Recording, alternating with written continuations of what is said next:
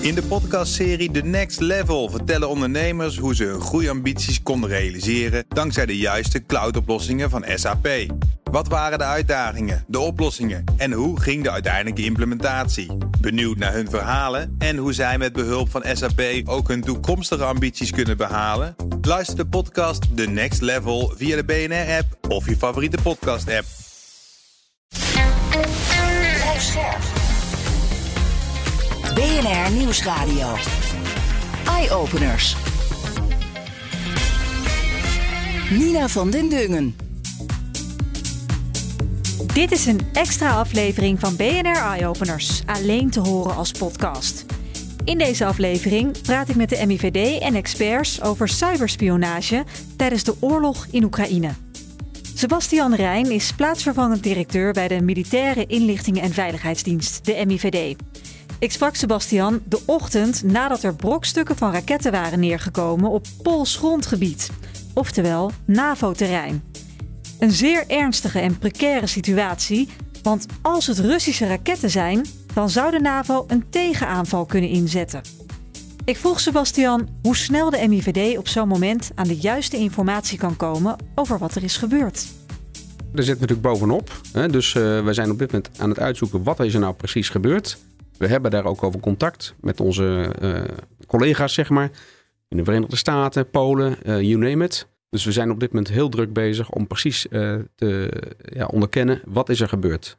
Kan je me dan meenemen op zo'n moment wat er dan gebeurt? Dat breaking news komt binnen. Wat ja. gebeurt er dan binnen een MIVD? Nou, kijk, wij, uh, wij hebben allerlei analisten en deskundigen uh, in huis. Overigens ontzettend betrokken mensen waar ik heel erg trots op ben. Maar ook deskundig. Die kunnen heel goed analyseren. Die kunnen uh, luchtbeelden analyseren. satellietbeelden analyseren. Die hebben verstand van militaire techniek. Die kunnen dus ook in een brokstuk zien. Hey, waar komt dat brokstuk, brokstuk, eigenlijk vandaan? Kan je dat vanuit de lucht zien met een satellietfoto? Nee, je kunt dat, nou, soms kun je dat wel zien, inderdaad. Soms kun je dat wel zien. Maar er is natuurlijk meer beeldmateriaal beschikbaar. Ook in het openbaar De Twitter-filmpjes, dat soort dingen. Ja, je kunt het gewoon, uh, je ziet het zo uh, op het internet ja. voorbij, voorbij, flitsen. Je kunt dus ook aan de hand van die beelden uh, beoordelen van... hé, hey, wat voor type raket zou dit geweest kunnen zijn?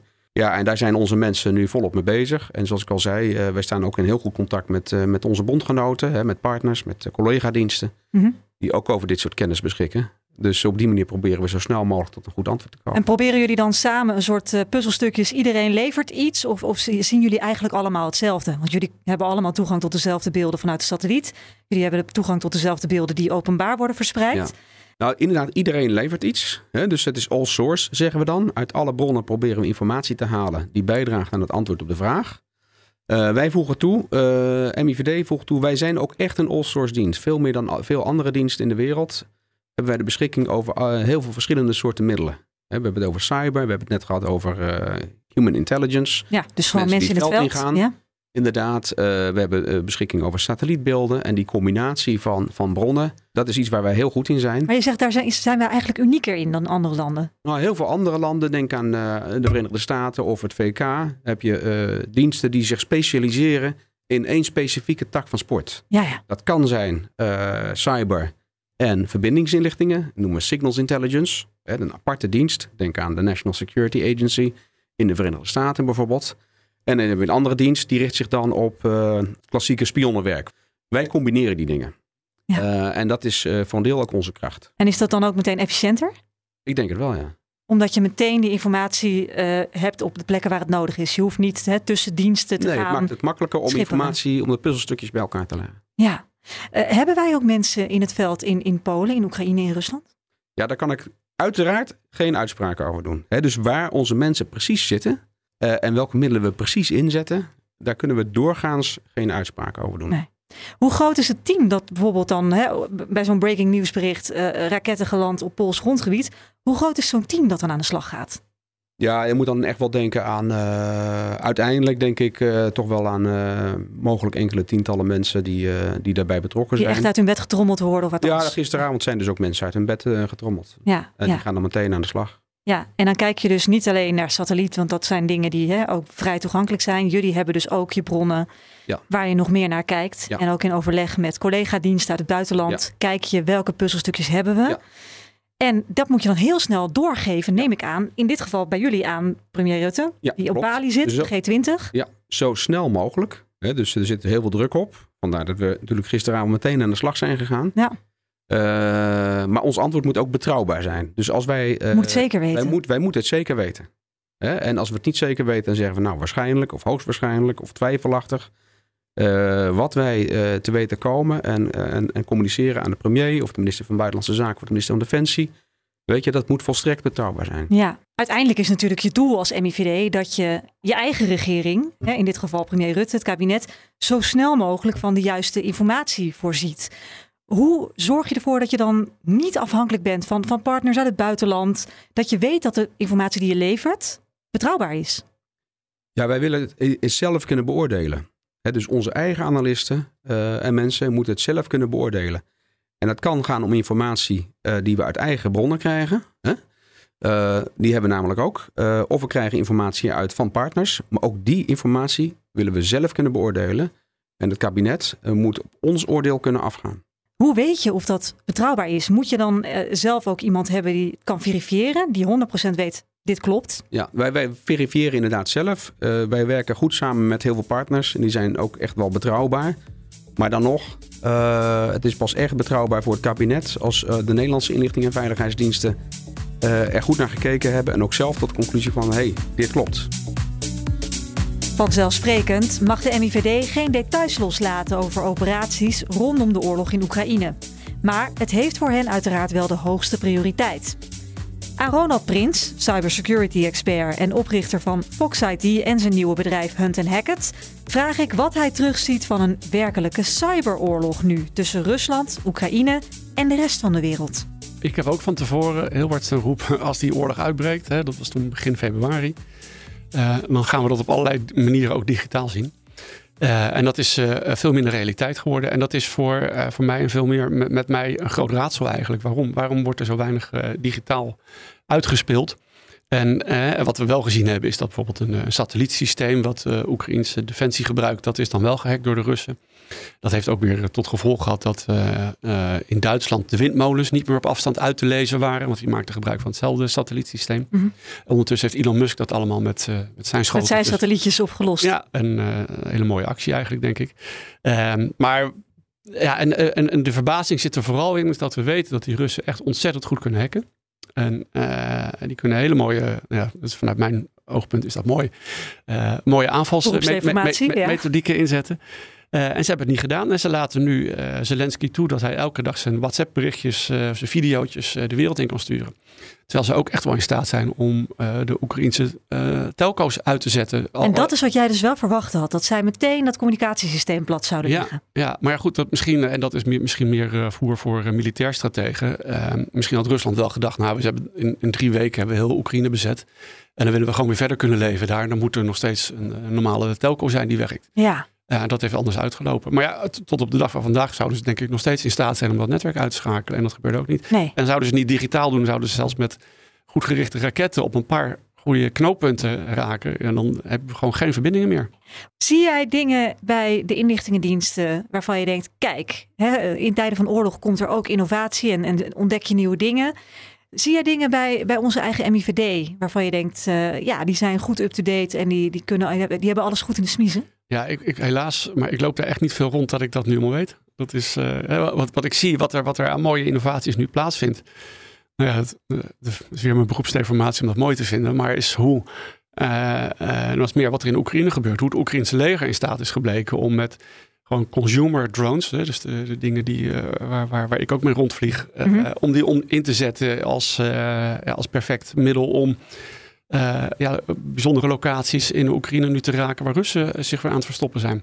Ja. En dat is met een, met een apparaatje van 500 dollar weten ze dat voor elkaar te krijgen. En dan zie je wel, en dat is natuurlijk met heel veel grote innovaties, in tijden van oorlog worden mensen opeens heel creatief. En, en dat herken ik wel van hoe bijvoorbeeld Defensie zou werken, is ja, die, die, die, zouden in vredestijd, als je erover nadenkt, wij willen kleine drones hebben om uh, af en toe eens een bommetje in een, uh, in een bunker naar binnen te vliegen. Mm -hmm. Ja, dan wordt dat een heel groot project. En dan komen er drones uit die kosten 300.000 dollar per stuk. En ja, dat, er zit van alles omheen. Terwijl in de praktijk blijkt van uh, het kan ook op een hele andere manier. Wie juist wel vindt dat er veel gebeurt op digitaal vlak in deze oorlog is Lokke Morel. hoogleraar ICT Law aan de Tilburg University en advocaat bij Morrison Forster. Ze prijst bovendien de enorme inspanning van de private sector om het Rusland zo moeilijk mogelijk te maken. Nou, iedereen denkt dat er niet veel gebeurd is. En dat is niet waar, volgens mij. Uh, ze hebben voor de aanval, dus de echte fysieke inval hebben ze eh, echt een blast gedaan uh, op, op de ICT-infrastructuur van Oekraïne. En nou, daar hebben ze ook allerlei dingen platgelegd. Uh, maar niet het communicatienetwerk? Nee, nee ja, ik, ik, ik, ik, ga proberen. Het is, dus dat hebben ze gedaan. Ze hebben allerlei met bommen uh, uiteindelijk geprobeerd datacenters uh, plat te leggen. Maar de reactie ja, van vooral de private sector is daar wel echt fantastisch geweest.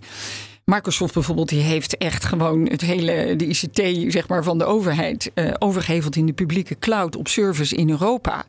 Dus toen maakt het niet meer uit dat de systemen in. Dus dat. Nou ja, Musk heeft uh, de satellieten uh,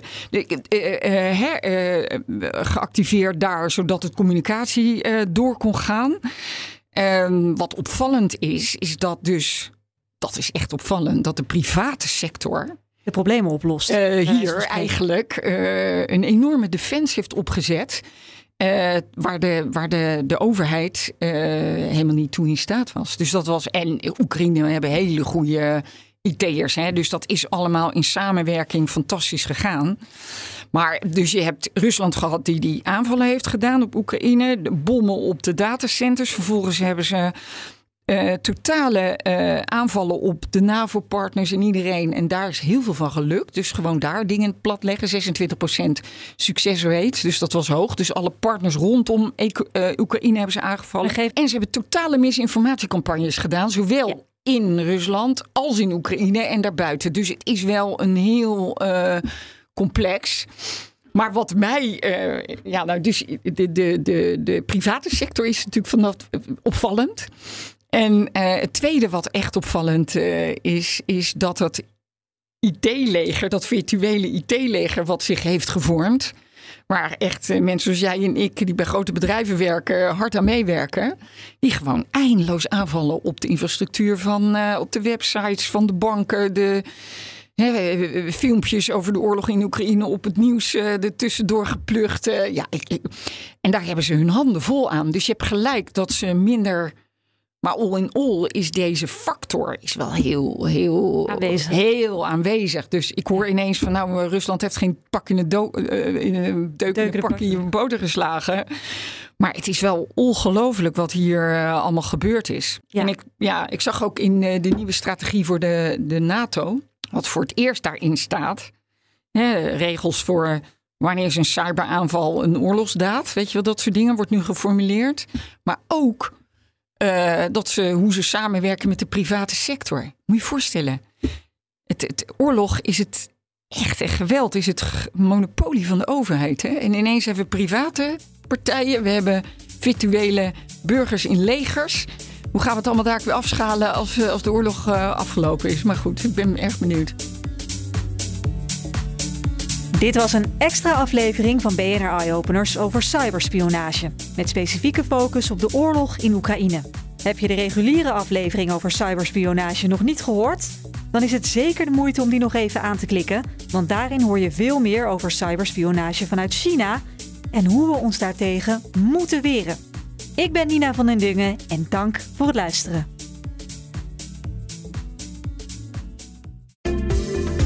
In de podcastserie The Next Level vertellen ondernemers hoe ze hun groeiambities konden realiseren dankzij de juiste cloudoplossingen van SAP. Wat waren de uitdagingen, de oplossingen en hoe ging de uiteindelijke implementatie? Benieuwd naar hun verhalen en hoe zij met behulp van SAP ook hun toekomstige ambities kunnen behalen? Luister de podcast The Next Level via de BNR-app of je favoriete podcast-app.